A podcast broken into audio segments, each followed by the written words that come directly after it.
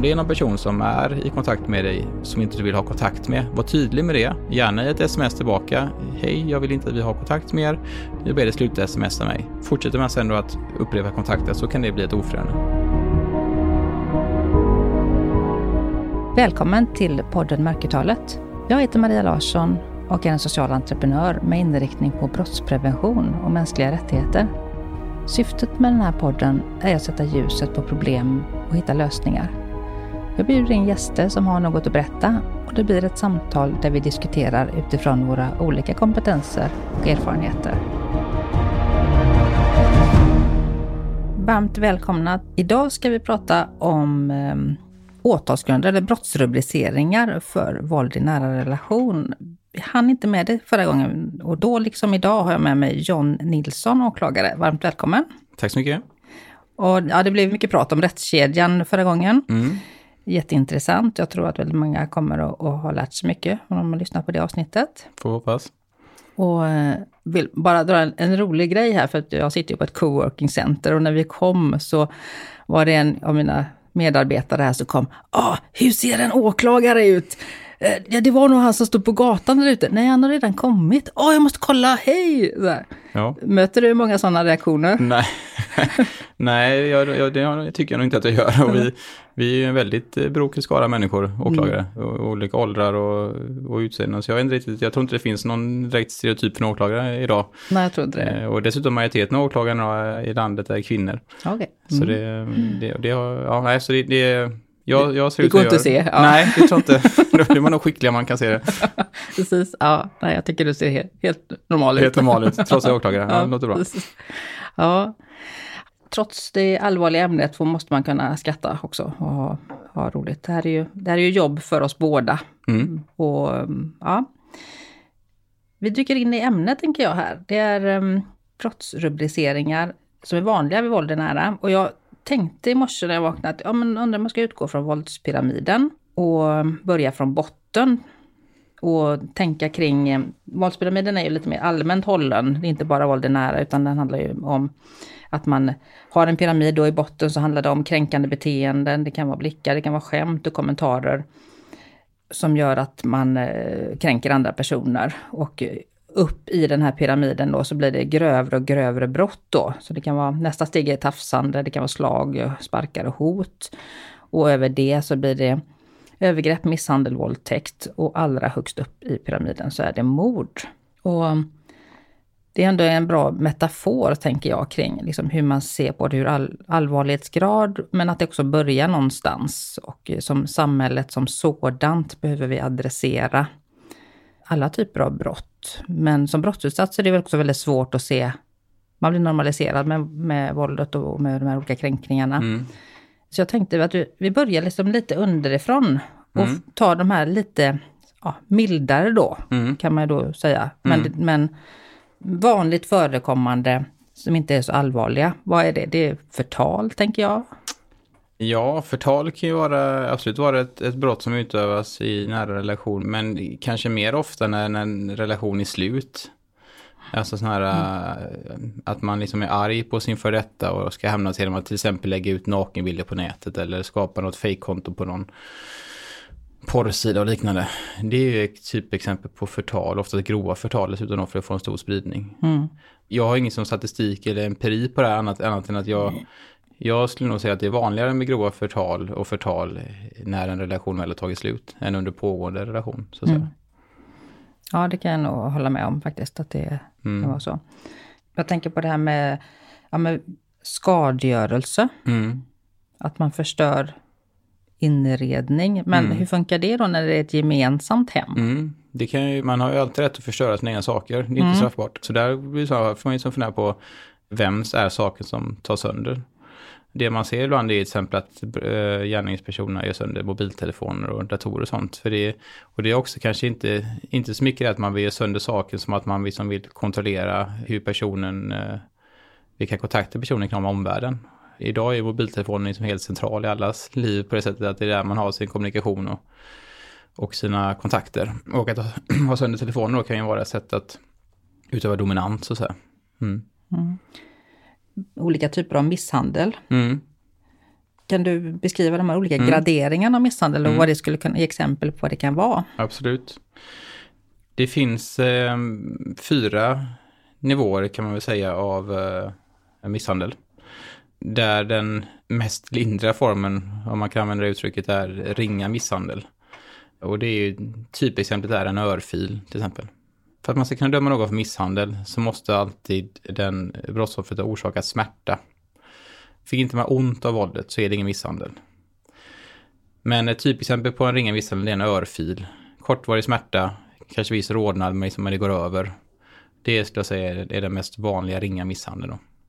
Steget därefter är misshandel av misshandel helt enkelt. Man brukar säga av normalgraden. Det heter inte så, det heter bara misshandel, men av normalgraden. Och det är ett ganska brett spann. Där är ju straffskalan hela vägen upp till fängelse i ett och ett halvt år. Och en misshandelsgärning som det då är då så här av normalgraden kan se väldigt olika ut.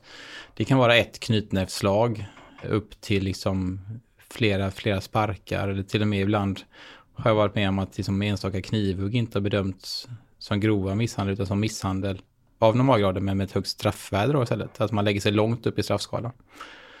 Så det är normalgradsbrottet. Det är kanske mest vanligt förekommande misshandelsbrottet. Steget ovanför misshandel är grov misshandel och då är det misshandel med ett försvårande inslag helt enkelt. Man säger i lag, skriver i lagtexten att man särskilt ska beakta om gärningen varit livsfarlig. Eh, om gärningsmannen har tillfogat brottsoffret en svår kroppsskada eller allvarlig sjukdom eller annars visat särskild hänsynslöshet eller råhet som det står i lagtexten. Och det där är ju livsfarligt. Ett sånt exempel kan vara att strypa någon så att de svimmar. Det kan vara grov misshandel, för det är ju typiskt sett livsfarligt.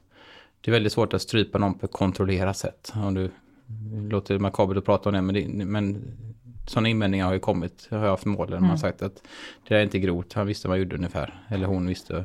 Så. Ja, i synnerhet när det handlar om sexuellt våld precis, då, med strypsex liksom. Ja, precis. Ja. Svår kroppsskada kan vara att man helt enkelt blir allvarligt skadad av våldet. Man kanske får en spark i huvudet som innebär att man får en svår allvarlig skada i, i käken blir skadad. Alltså, det finns massa exempel på det, men svår kroppsskada. Och sen det här sista då, särskild hänsynslöshet eller råhet, det är lite grann mer en, skulle inte säga att det är en, en, det är ingen slaskskrivelse på det sättet, men typexemplet är att man kanske är, att tre personer misshandlar en person. Den personen är helt i numerärt underläge, har ingen chans att freda sig, faller till marken, man fortsätter sparka. Då visar man särskild hänsynslöshet eller råhet. Eller för att använda tillhygge, man kanske misshandlar dem med, en, med baseballträ eller med batong eller vad det nu kan vara, knogan och sådär. Så det är helt enkelt grov misshandel är som misshandel fast det ska vara försvårande inslag på något sätt. Mm. Och då har man ett minimistraff numera som är eh, ett och ett halvt års fängelse. Mm. Det höjde man för ett tag sedan, det var, det var tidigare ett års fängelse som var minimistraff för det. Och sen har vi det sista steget i, när vi pratar misshandel och det är synligen grov misshandel. Och då ska man särskilt beakta om eh, kroppsskadan som har orsakats någon är bestående. Det vill säga att man kanske helt enkelt blir på något sätt invalidiserad för resten av livet.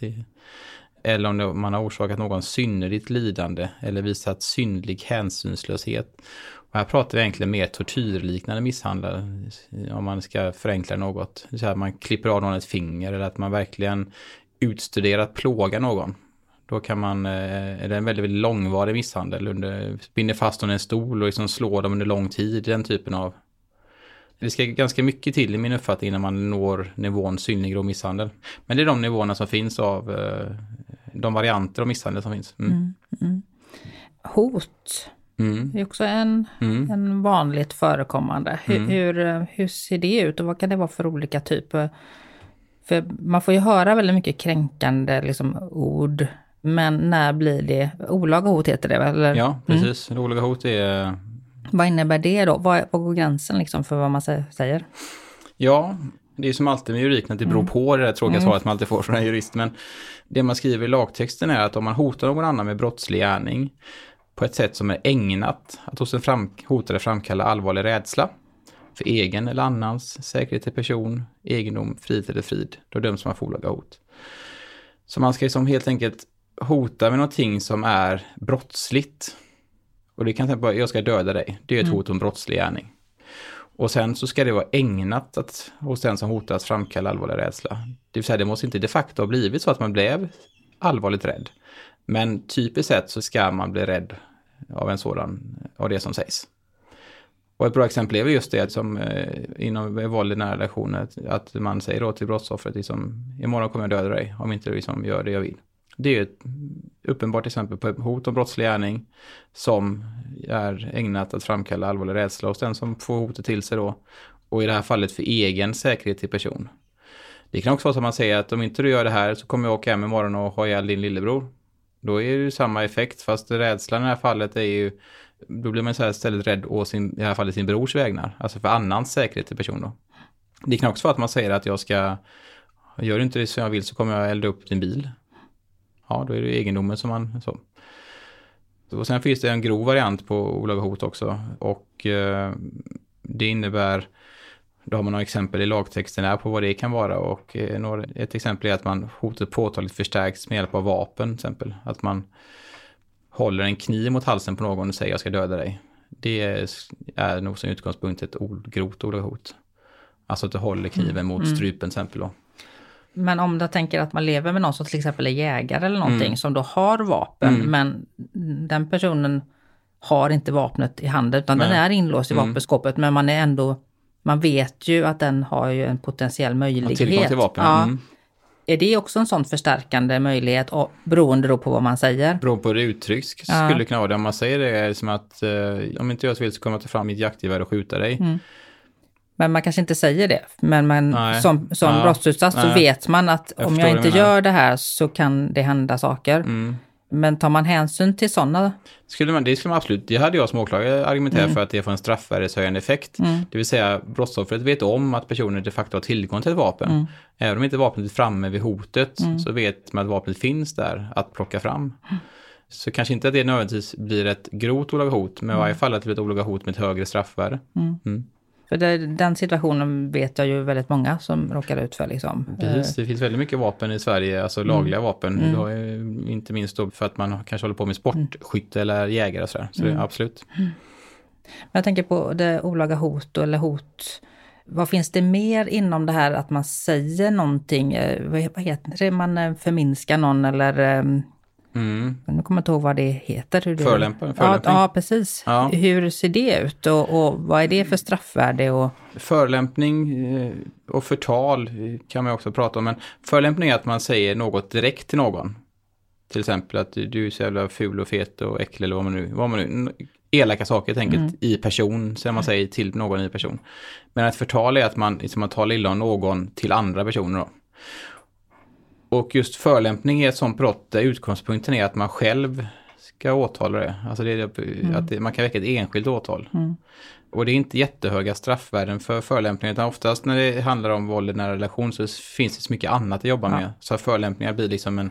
Alltså en ja, mm. Det är inte det man lägger krutet i att utreda, utan det finns mm. andra brott som är allvarligare och som har högre straffvärden. Mm. mm. Ja, men det förstår jag. Jag bara försöker ringa in lite mm. om det är okej, okay. alltså att, att man får säga väldigt, väldigt elaka och väldigt grova saker till varandra. Och var gränserna går för ja. det här liksom. Att man, för man blir ju som sagt van vid det. det är ju, att någon skulle driva ett enskilt ärende för, för förolämpning, det kommer ju inte att hända i våld nära, det vet jag nej, också. Men just att man ändå får det med sig, som de som lyssnar på den här podden nu, att nej, det är inte okej. Man får inte göra så. Man får inte Absolut säga. inte. Är, nej, så är det verkligen. Men, men det har ändå en betydelse att, för om man pratar grov kvinnofridskränkning eller för en grov fridskränkning som ju är brott som är vanligt förekommande i, när vi pratar våld i nära relation. Där får ju de här så att säga förolämpande inslagen en betydelse.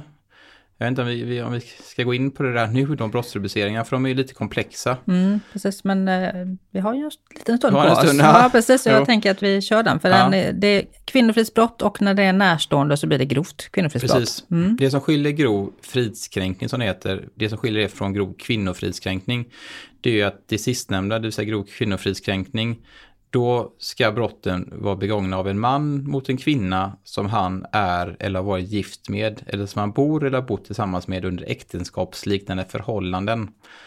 Så med andra ord, om inte de rekvisiten eller de kraven är på plats, då hamnar man i grov fridskränkning. Straffen är de samma.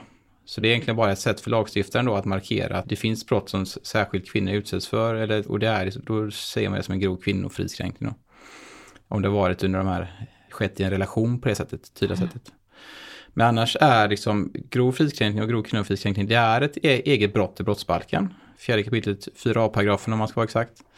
Men de är, för att man ska hamna i de brotten så måste man begå ett antal andra brott i en viss kontext. Då kan det bli fråga om de här eh, grov fridskränkning och grov kvinnofridskränkning. Så jag ska försöka förklara vad jag menar med det egentligen. Mm. Då är det så här, om man ska döma någon, och jag som åklagare ska kunna påstå att någon ska dömas för grov kvinnofridskränkning, då måste den personen ha begått minst tre brott mot brottsoffret.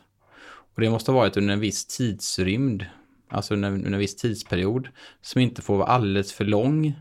Alltså det får inte vara för långt mellan gärningarna. Och det kan inte heller vara en alldeles jättekort tidsperiod, som bara någon dag eller två.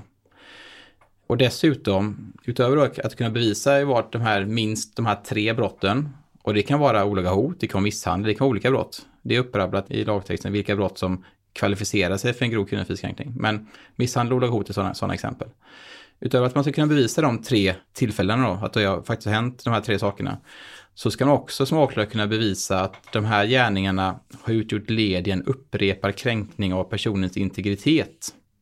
Och gärningen ska dessutom ha varit ägnade att allvarligt skada personens självkänsla och det här jag knyter an till det vi sa om det här med kränkande tillmälen och så. För det kan ju vara en sån sak som visar att det här har skett i den här kontexten när man vill förminska, man vill liksom bryta ner en person och dens integritet. Och man gör det i syfte att skada personens självkänsla. Så även om inte man kanske åtalar för en förolämpning så är det där i det omständighet som måste finnas för att man ska hamna i den grova kvinnofridskränkningen. Jag vet inte om det blev tydligt. Jo, mm. nej, men det, jag har ju förstått där att det här kvinnofridsbrottet, där kan man baka in lite olika saker då. Ja, det är det man gör helt ja. enkelt. För det är inget brott. Det står inte för sig själv utan mm. det måste fyllas med andra brott. Mm. Även psykisk misshandel som i sig inte är åtalbart idag i Sverige då, tas ju också med som att försvårande. Inte, ja, precis. Ja, det är en förutsättning egentligen ja. för grov kriminalitet. Så det blir ju indirekt åtalsbart för det måste ju vara så att man kan visa att det här är ett led i en upprepad kränkning av brottsoffret och syftet är att den personens självkänsla ska skadas, allvarligt skadas. Och att då kan till exempel ha ett vittne som beskriver att man kallar alltid henne för fet och äcklig och så här. Det är ju, är ju förolämpningar, men det är också ett sätt att visa att man har det här syftet med, med tillmälena. Så därför så blir på sätt och vis de kränkande tillmälena en åtalbart fast indirekt, för det blir en mm. nödvändig del i den grova kvinnofridskränkningen. Mm. Den hjälper till att bekräfta och ja. förstå vad som händer. Ja. Mm. Och det som är intressant då, eller det är intressant, men det som är tanken med grov kvinnofridskränkning, säg att vi har tre fall av misshandel. Det kanske är som var och ett har ett straffvärde på en eller två månaders fängelse. Vi kan säga så, vi har tre gärningar, alla har ett straffvärde om eh, två månaders fängelse sett var för sig. Skulle man döma för de tre gärningarna, då får man ju två månaders fängelse för första misshandeln, du får lite mindre för misshandel nummer två och ännu lite mindre för misshandel nummer tre. Så du kanske får sammantaget tre, fyra månaders fängelse för det, när man bakar ihop det. Den så kallade aspirationsprincipen, att man slår ihop gärningarna och ger en mängdrabatt då. Men skulle man istället säga att de här tre misshandelsgärningarna har begåtts i syfte eh, att de här, de här har varit ett led i en upprepad kränkning av den här personens integritet och syftet var att allvarligt skada personens självkänsla, då hamnar, kan man få det att bedömas som en grov fridskränkning. Och istället för då tre, fyra månaders fängelse så får man minimistraffet ett års fängelse. Det är ju lagstiftarens sätt att markera allvarligheten i att göra, begå de här brotten i syfte att kränka, förminska och trycka ner någon. Mm. Är du med på? Ja, jag är helt mm, med. Helt mm. med. Och jag, det finns ju, polisen har ju ett uttryck där som heter då gå innan första slaget. Mm. Och jag tänker, den säger precis det du säger här, att man utifrån samhället och lagstiftningens perspektiv förstår att det är kränkningarna som är det farliga mm. och att det finns så mycket mer än eh, slag mm. och den typen av våld då. Ja, nej, men du, jag tyckte du sa det väldigt bra.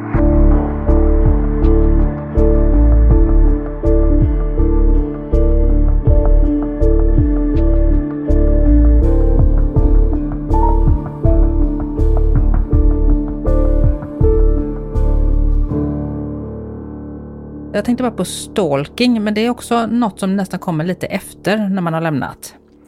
Du tänker på olaga förföljelse? Ja, precis. Mm. För den tänker jag, kan du, om du kan bara precisera lite. vad som ingår i den. Ja. Eh, och hur, hur man ser på det, vad som är straffbart. Precis. Det man säger i lagstiftning här, och den här, och den här paragrafen ligger alldeles efter eh, paragrafen som vi nyss pratade om, grov fridskränkning och grov kvinnofridskränkning i fjärde kapitlet i brottsbalken. Det innebär att om man förföljer en person genom brottsliga gärningar och så har man massa exempel på vilka brottsliga gärningar som kan vara aktuella. Eh, alltså en uttömmande uppräkning här. Och några exempel är återigen misshandel, olaga hot, kränkande fotografering som är ganska nytt brott, olaga integritetsintrång, ofredande med mera. Om man begår de brotten och de brotten var och en liksom har utgjort led i en upprepad kränkning av personens integritet, då kan man dömas för olaga förföljelse. Och då är straffskalan fängelse i högst fyra år, det vill säga att man kan egentligen få bara ett par månaders fängelse eller till och med hela vägen upp till fyra år. Nu händer ju aldrig det, för det är väldigt sällan, eller nästan aldrig, som domstolarna dömer i det högre spannet. Det ju, finns ju fåtal sådana exempel.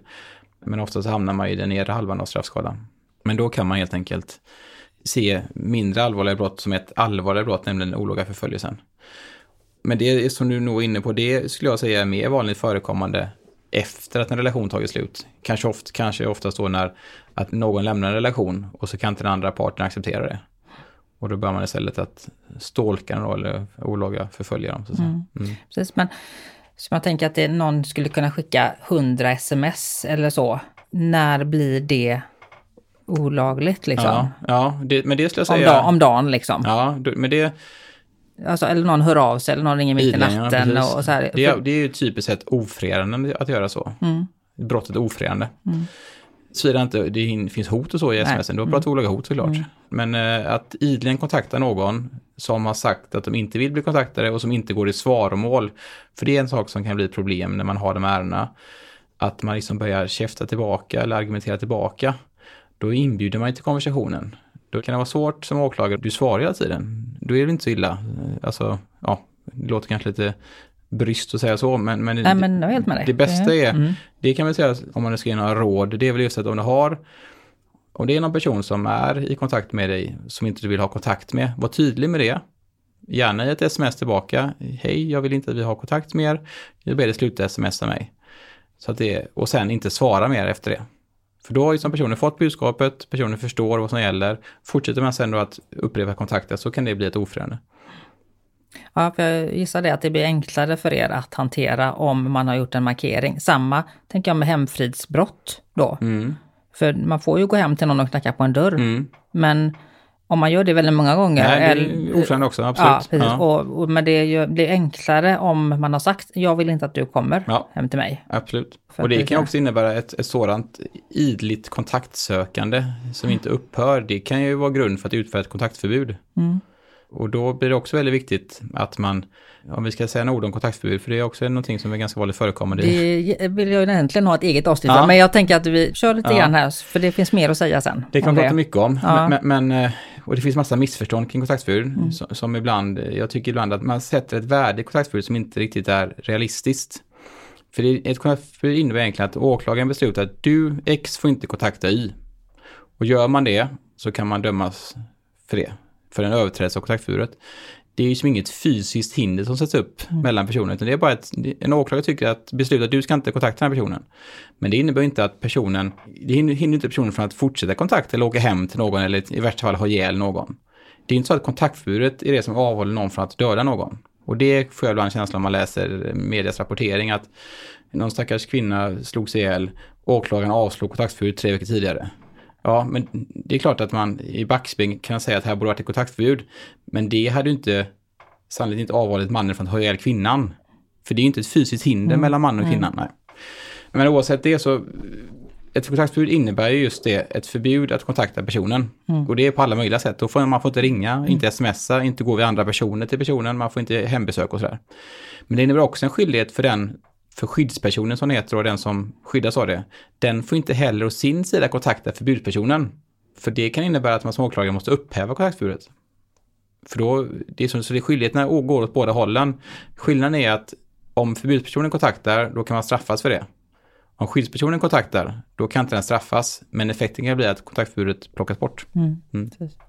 Jag ser ju ändå ett värde i att kunna få Mm. kontaktförbud. Mm. Det var någon um, artikel i tidningen häromdagen där man sa att det, ja, typ två av tre avslås Var det i riket eller var det i Göteborg? Eller det var, var nog i riket. Ja. Ja. Och, mm, ja, det förstår jag också att det är ingen fysisk barriär, absolut inte, men det är ett statement från samhället Mm. att med den information vi har fått, det här ser inte bra ut, det finns inget syfte i att ni ska ha kontakt, för det här skadar en part i det här. Och i och med att det då inte är någon, någon större Alltså det är inte fotboja, det är inget sånt, det är inget ingrepp egentligen, utan det handlar bara att du ska sluta trakassera den här personen. Mm. Så för mig så tycker jag att det är ganska, det borde vara en låg tröskel Mm. för att få kontaktförbud. Och att det där går ju tidsbegränsat också, tänker jag. Så att det är ju, Det är alltid tidsbegränsat. ja, det är inte liksom... Max ett år. Ja, precis. Inte forever, utan det handlar ju om att freda en situation där vi då vet också när man lämnar att våldet eskalerar otroligt stort. Och jag är helt med dig, det finns inget som hindrar den här personen, men kontaktförbud ska ju sättas i samklang med andra insatser, tänker jag, från socialtjänst eller även att polis har lite koll på vad som händer här. Och att den brottsutsatta då känner att okej, här finns det någon som också vill ha koll på mig, vill mitt väl, vill att det här ska upphöra. Det finns många punkter i det här Nej, jag, jag förstår, jag, som jag man köper kan- det resonemanget. som man kan uppnå. Ja, det man kan säga är väl att lag, när man får en ansökan om kontaktförbud så har man att förhålla sig till den lagstiftningen helt enkelt. Det är ju alltid så åklagarjobbet ser ut. Och där lagstiftaren har satt en ganska högt krav för när man ska kunna utföra ett kontaktförbud. Och det kan man tycka vad man vill om som åklagare. Och det gör många åklagare tycker massa olika saker men vi tillämpar lagen så som lagstiftaren bestämt att den ska se ut. Och då är det helt enkelt så att det ska ganska mycket till innan man kan utföra ett kontaktförbud. Sen vet jag om att det finns diskussioner om att man ska mjuka upp det där kanske och göra det lite, att det inte ska vara lika högt ställda krav som det är idag. Sen finns det en massa varianter av kontaktförbud. Det, finns, det har ju till exempel en väldigt stor betydelse om, det är ett, om den som söker bor tillsammans med den man vill ha kontaktförbud Ja. mot. För då gör man den personen hemlös. Om man säger att du får inte kontakta X längre. Och så bor man ihop. Då tar man ju bort den personens bostad. Och sen en annan aspekt är om man har gemensamma barn. Det kan också ställa till det ganska mycket. Så liksom det, och sen kan man få faktiskt numera kontaktförbud där man till exempel får en fotboja. Att man geografiskt avgränsar dem för att du får inte besöka en viss kommun och sådär. Så det finns lite varianter på kontaktförbud idag. Men utgångspunkten för lagstiftarens sida har varit att det ska vara ganska restriktiv användning. Mm, Okej, så då tänker jag ju så här att nu sitter vi i en podd och vi pratar om det här och det pågår ju artiklar och så. eh, Just det här, hennes namn var, är ju Precis. en artikelserie Mm. just nu. Mm. Och alla myndigheter styrs ju av regeringsbeslut. Så att, eh, ja, ni som är intresserade av den här frågan och tycker att eh, kontaktförbud ska ha andra förutsättningar för att utdömas, så får ni helt enkelt höra av er till en lämplig politiker och driva frågan den vägen. Det är så vi får jobba. Det är lag, politikerna, alltså lagstiftaren som beslutar lagarna. Och det, Precis. det är de man får, Det är den får försöka påverka. Ja. Det är den gången det, Mm. precis. Ja, vi har en liten, liten stund Mm. kvar. Mm. Så det får bli mord och dråp, Mm. eh, det sista här. Jag valde att lägga det sist för att det är ju, de flesta råkar ju ut för allt annat. Det är tillräckligt många som blir mördade. Det är nästan 20 kvinnor som blir mördade i våld nära varje Mm. år. Väldigt, väldigt illa. Och hur ser det ut? Vad är det för rubriceringar? Nej men det är ju, man kan säga, alltså ett mord är just att man avsiktligen liksom har ihjäl någon. Det är ju ett mord. Och eh, mord, utgångspunkten är då att eh, det är en ganska kort lagparagraf. Den som berövar annan livet döms för mord till fängelse på viss tid. Lägst 10 år, högst 18 år eller på livstid. Så det är en ganska enkel gärningsbeskrivning att skriva på det sättet. Kan man visa att någon har dödat någon uppsåtligen, då, då döms man för mord. Och sen är det så att om man har liksom, om den här gärningen har föregåtts av noggrann planering eller präglats av särskild förslagenhet, syftet till att dölja eller främja annan brottslighet eller inneburit ett svårt lidande för offret, då är utgångspunkten att man ska få livstid för det. Eller annars får det särskilt hänsynslöst, skriver man också. Det, ett exempel, det kommer en dom här bara för några dagar sedan såg jag, det var väl en pappa som hade haft ihjäl sin son som bara inte ens var två år tror jag. Det blev livstid, just för att det var, det stackars barnet har ju inte haft någon chans alls såklart att freda sig mot det där. Och det sker i, som i hemmet i en miljö där han har rätt att vara trygg och så. Eh, så det är en ganska enkel eh, paragraf att tillämpa. Utmaningen är ju som alltid bevisen såklart. Men har man bevisen på plats så är det inte mer komplext än så. Har man ihjäl någon avsiktligen då döms man för mord. Och utgångspunkten är att det är långa fängelsestraff eller då ganska ofta livstid. Och hur, om det då inte kan bevisas att det var avsiktligen, Mm. eh, och blir det dråp? Att dråp är ju, eh, då tänker man så här att om det med hänsyn till omständigheterna som föranlett gärningen eller eljest är att anse som mindre grovt, det är ett väldigt gammalt ord, då döms man för dråp. till fängelse lägst sex år och högst tio år. Och det är som det finns på något sätt förmildrande omständigheter. Det är inte särskilt vanligt att man dömer för dråp, utan det är oftast mord det blir. Jag försöker fundera på om jag har några bra exempel på när det kan bli eh, dråp. Nej, jag kan inte komma på något bra. Jag ska inte mm. hitta på något exempel som inte blir Nej. tydligt beskrivet. Jag får nästan återkomma till det i sådana fall. Eh, mm. Men det finns ganska mycket praxis från Högsta domstolen i det avseendet, i varje fall vet jag om. Men är det på något sätt att se som mindre allvarligt? Det kanske är att man, kanske att man varit hotad av personen innan. Att det kanske är att man är någon pågående brott fram och tillbaka liksom och att man agerar, har ihjäl någon, kanske, fast den personen har liksom tidigare varit väldigt våldsam mot den som nu då är gärningsmannen. Men mm. det absolut vanligaste är att det blir åtal för mord när någon har dött av avsiktligt våld. Precis, jag tänker som det, vissa av de här eh, morden då, eller har ju varit väldigt mycket misshandel. Så mm. det har inte varit liksom att de har blivit kanske skjutna eller knivhuggna och dött av det, utan det har varit av svår misshandel mm. då. Mm. Det var ju en, ett mål som har varit uppe här, det sista Jeanette, som hade omfattande skador då. Mm. Som har varit i, i pressen nu. Och där blev det ju väldigt knepig dom kan man ju mm. tycka då som vanlig lekman. Att det, hur var det, det missade jag? Ja, den var, var ju hon, det blev grov misshandel? Grov, ja, jag tror det blev grov misshandel, ja. ja. Mm, men det eh. får se det, det var väl i tingsrätt i och för sig. Ja. Jag får se om det överklagas, kanske ja. man kan tänka sig att det gör. Mord är ett uppsåtligt brott, mm. vilket de allra flesta brott är i brottsbalken. Mm. Och det innebär att den misstänkte, för att uppsåt innebär att man har varit medveten om vad man gör och vilka följderna kommer att mm. bli. Går jag fram till någon och sätter en person mot huvudet och skjuter. Mm. Jag vet vad jag gör och jag vet om att nu kommer den här personen med all sannolikhet dö. Mm. Då har man uppsåt till det. Sen finns det olika varianter av uppsåt. Det finns tre former av uppsåt. Ett avsiktsuppsåt, alltså ett, också kallat för direkt uppsåt. Och det är det som jag nämnde nu.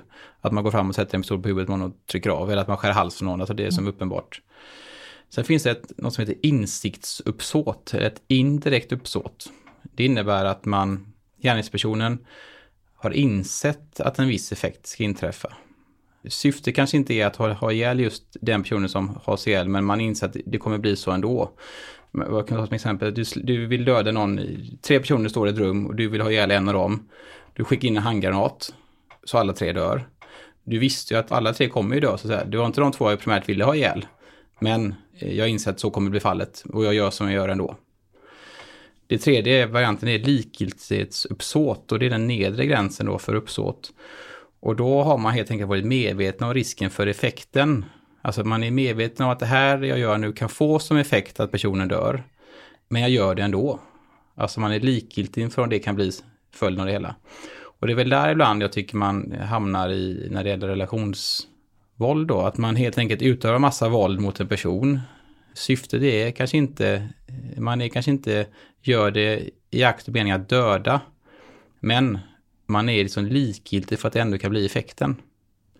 Det är ett likgiltighetsuppsåt och, och då kan man fortfarande dömas för mord. Även om inte avsikten är liksom, du ska dö, jag skjuter dig, utan man, verkligen, man slår någon väldigt, väldigt illa eller torterar och plågar. Och man borde liksom tänka att det här kan faktiskt få som effekt att personen dör.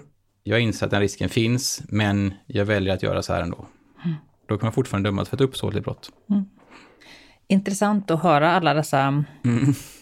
ja, lite mer kliniskt, för det, och det var det som var syftet mm. med att bjuda in dig här. Mm. Eh, just för att få, hur ser man från samhällets sida på den här typen av brott och, och hur resonerar man lagstiftningsmässigt och eh, i en dom då kring det här. För det blir lite mer tydligt och begripligt för oss liksom vanlisar här ute i samhället då. Mm. Och även såklart då vi som råkar ut för våld i nära, mm. drabbade av det och, och, se både i domar där vi kanske känner att nej men hur blev det här? Och, eller om det blir nedlagt, nu har vi inte pratat om det. Men, eh, Nej, precis, typ. så det kan man ju också ha ett helt avsnitt om antagligen. Mm. Jag kan förstå att domar kan uppfattas som väldigt torra produkter, så att säga. Mm. kliniska produkter. Mm. Men det är så som liksom rättssystemet är uppbyggt på att man ska ha den här kliniska eh, diskussionen och resonemangen. Och ibland kanske det blir väl kliniskt kan man tycka som privatperson och även kanske som åklagare ibland för den delen. Men det är ju inte så i avsikt att någon ska känna sig som förminskad eller sämre behandlad utan det är så man har valt att hantera brottmålsprocessen. Mm, och om man vet mer och kan mer om det och att det finns en förutsägbarhet och att man förstår vad eh, förväntningar på en process och på ett eh, ja, ett omhändertagande av det som har skett. Och också sen vad som blir resultatet av det. Det ger ju mer trygghet och mitt mål är ju att vi ska öka anmälningsgrad och att människor ska känna att anmäla brott som har begåtts mot mig ska vara en självklarhet och att man ska känna en trygghet i det och i den processen. Det är ju liksom målet mm. med att vi ska få upp den och man ska känna att de dels får läkning genom den processen men också på en upprättelse kommer ni att få mer att göra såklart. Men jag, tänk, mm. jag räknar ju starkt med att ni får tilldelade resurser allt eftersom. Det får vi just nu. Vi, finns inga, åklagarmyndigheten får absolut de resurser vi behöver just nu. Det finns mm. inget, eh, det är inte ett problem. Nej, vad bra. Det har det varit historiskt, men det är inte det idag. Nej, vad bra. Så det, alla ni som går och funderar på det här, ska jag, vågar jag, orkar jag, kan jag? Jag tycker att ni ska ringa till 114 14, prata med en polis där, beskriva vad ni har varit med om då hjälper de er fram i den processen till en anmälan och eh, kopplar in åklagare och tingsrätt på det sen efterhand. Men eh, det samtalet går att göra anonymt. Man kan prata med en polis och nämna vad som har skett utan att nämna ditt namn och eh, någonting sånt. Och bara för att känna och bygga upp den här tryggheten och eh, våga ta det steget. Så det vill jag verkligen uppmana dig. Jag tänk att vi går mot avslut här nu. Fantastiskt intressant att få höra om eh, både rättskedjans principer och nu även om eh, olika vanliga brottsrubriceringar inom våld i nära. Mm. Hur kändes det för dig att sitta och prata första gången i podd? Ja, det var en ny upplevelse. Mm.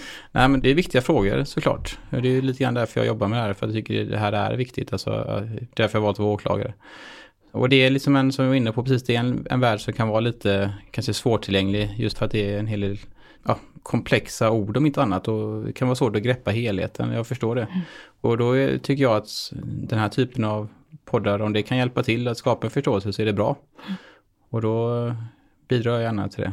Mm. Och det gjorde du med den äran. Mm. Har du några tips eller råd eller funderingar kring hur vi kan göra både samhället bättre framåt men även till råd till utsatta kanske?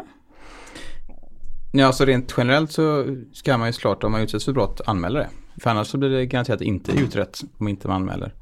Och sen så tycker jag också att man som brottsoffer, det, det kan låta väldigt märkligt att säga det, men att man ska ändå försöka tänka på bevisningen helt enkelt. Det är lite makabert att säga det, jag förstår det när man är i en, i en destruktiv relation till exempel då, men, men om man ska komma framåt i en brottsutredning måste det finnas bevisning. För ord mot ord räcker inte. Och vi har varit inne på det tidigare, men till exempel dagböcker, att man fotodokumenterar skador, att man anförtror sig till vänner eller till kompisar eller till anhöriga. Allt liksom som gör att man sen i efterhand kan visa att det som brottsoffer påstår har hänt, har hänt genom att det då mm. finns någon form av dokumentation. Mm. Man får också spela in om man själv är part i mm, samtalet. Det är man, jätteviktigt att, att, skicka ut här. Mm. För att uh, många tror att det är förbjudet. Men man, så, så länge man själv du, är part ja, så går det bra. Mm. Du får inte lämna en mobil uh, på någon plats och spela in en annan, någon annan. Nej. Det kan du inte, det är förbjudet. Men uh, att vara själv vara part i samtalet, mm. då får du spela in. Mm. Sen har det hänt, har man gjort två ändringar här i lagstiftningen de senaste åren som har haft en, tycker jag, ganska stor betydelse för brott i nära relation i hur man kan utreda de brotten. Och det ena är att man har eh, tagit bort det så kallade närståendeförbudet. Det innebär att numera kan jag som åklagare använda mig av konversationer mellan närstående som bevisning.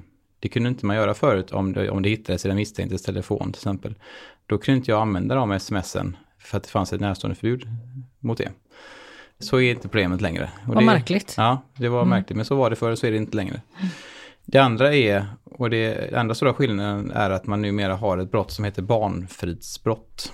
Och det är ett brott som man kan prata väldigt mycket om. Det är ganska, infördes för ett par år sedan bara. Men anledningen till att det är så att säga, det är bra av flera skäl att det brottet finns numera, men en effekt av det, det är att man inte längre kan, som misstänkt kan förhindra att ett barn som har iakttagit våld mellan mamma och pappa inte får höras. Förr var det så när inte barnfridsbrottet fanns, då var ju bara barnet ett vittne. Och då kan man som målsägare säga att jag vill inte att mitt barn ska höras av polisen. Och då fick man respektera det. Det innebar ju att en person som slog sin eh, maka eller maka framför ögonen på gemensamma barn kunde hindra de barnen från att få berätta om det. Men i och med att man har infört barnfridsbrottet, då blir barnen själva part, målsägande, brottsoffer. Ja. brottsoffer. Och då kan man inte längre hindra dem från att prata om vad de har sett. Och det kan bli en väldigt bra stödbevisning Mm. till, eh, i utredningen om eh, relationsvåldet. Mm. Så det är en stor skillnad. Mm. Då kommer barnen till tals och man Mm. kan inte förhindra dem att komma till tals. Mm. Ja, vi kommer att ha ett eget avsnitt av, om just barnfridsbrott Mm. och barnahus, hur Mm. utredningen går till där. För att det är så stort då, område, så det blir separat. Men bra att du nämnde det. Tack så mycket. Tack, tack. Ha det så bra och ha en fin dag. Detsamma. Tack. Om du känner igen dig eller förstår att någon i din närhet är drabbad så finns det mer information om vart du kan vända dig i beskrivningen till det här poddavsnittet. Där finns även information för dig som tycker det här är viktigt och vill stötta den här podden, antingen via Patreon eller Swish. Vi hörs!